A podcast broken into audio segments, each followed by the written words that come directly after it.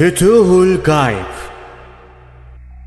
Sultanül Evliya Gavs-ı Azam Abdülkadir Geylani Hazretleri 56. Makale Kulun halkı ve nefsi bırakması Kul, şahsi hevesi, nefsi, iradeyi, dünya ve ahiret ümitlerini bırakmalıdır. Bunları bırakıp kalbine yalnız Allah sevgisi girdiği an doğruyu bulmuş sayılır. Artık kalbinde yalnız Allah sevgisi vardır. Her şeyi Allah'tan ister. Başka bir şey arzu etmez. Çünkü Allah onu kullar arasından seçmiştir. Onların içinden saf olarak almış, hem kullara sevdirmiş hem de kendisi sevmiştir. İnsanların kalbi o sevilmiş, seçilmiş insanın sevgisiyle doludur. Bu yapılanlar onun için bir nimet sayılır. Sonra sonsuzluk ifade eden hoşluklardır. Bunların içinde ebedi kalma saadeti vardır.'' Kul bu halinde elinde olmayan ilahi bir iradeyle düşünür ve ilahi tecelliler arasında kendisini yok olmuş bulur. Hakkın tedbiriyle hareket eder. Onun dilediği gibi olur. Onun rızasına göre razı olur. Onun emrine uyar, başkasını bilmez.'' Ondan başka kimse de varlık göremez. Bu durumda bilir ki fiil, söz ve hareket hepsi hakka tabidir. Bu durumda ilahi vaatler alır. Hayal dahi edemediği şeyleri bulur ve alır. Kulun iradesi yok olmuştur. Yalnız ilahi irade kendini gösterir. Kul bir iş diler.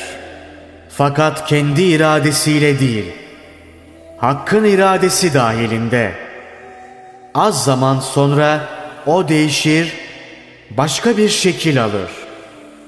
Bu değişik iş belki o kulu üzer ama üzülmemek gerek.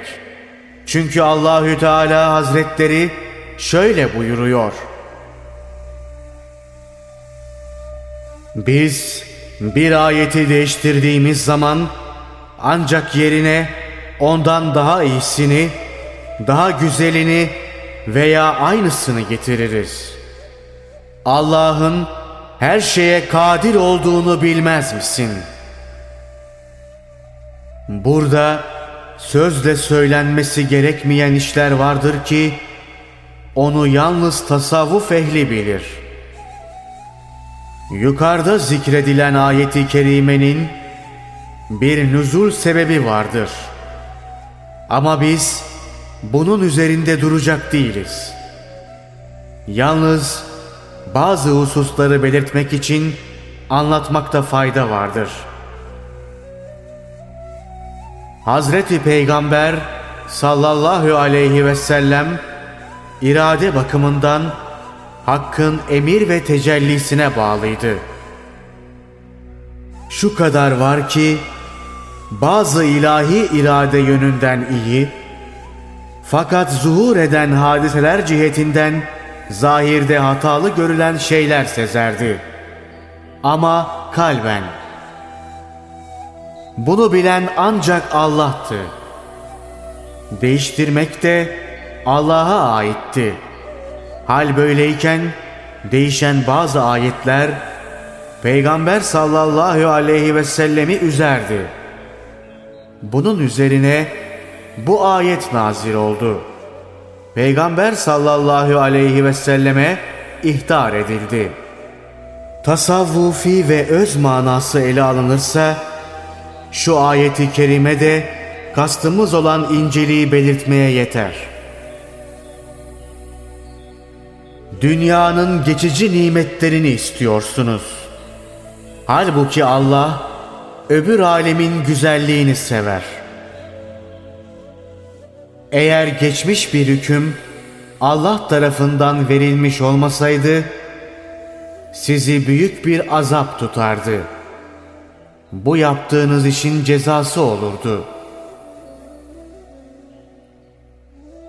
İşte burada sözü edilen geçmiş hüküm ilahi iradedir.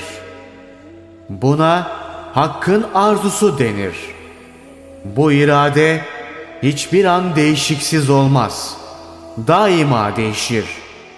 Makamı buraya varan kul iradesiyle bir iş yapmaya kalkarsa ceza görür.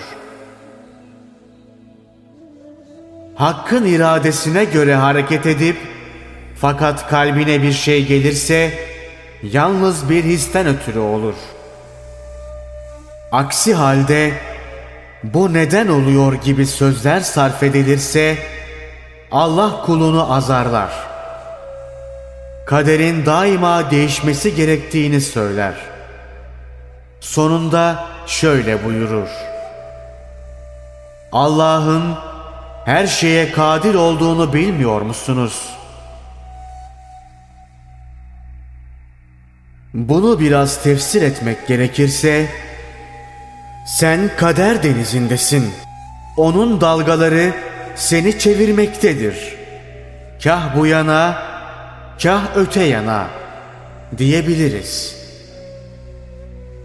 Şunu da burada ilave etmeliyiz ki, her veli son makama erdiğini sandığı derece bir nebinin ilk adımı olsa gerektir.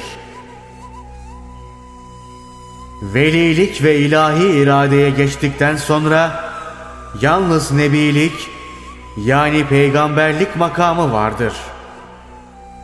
Ve her veli peygamberin makamına ermesine imkan olmadığını da bilmelidir. En iyisini Allah bilir.''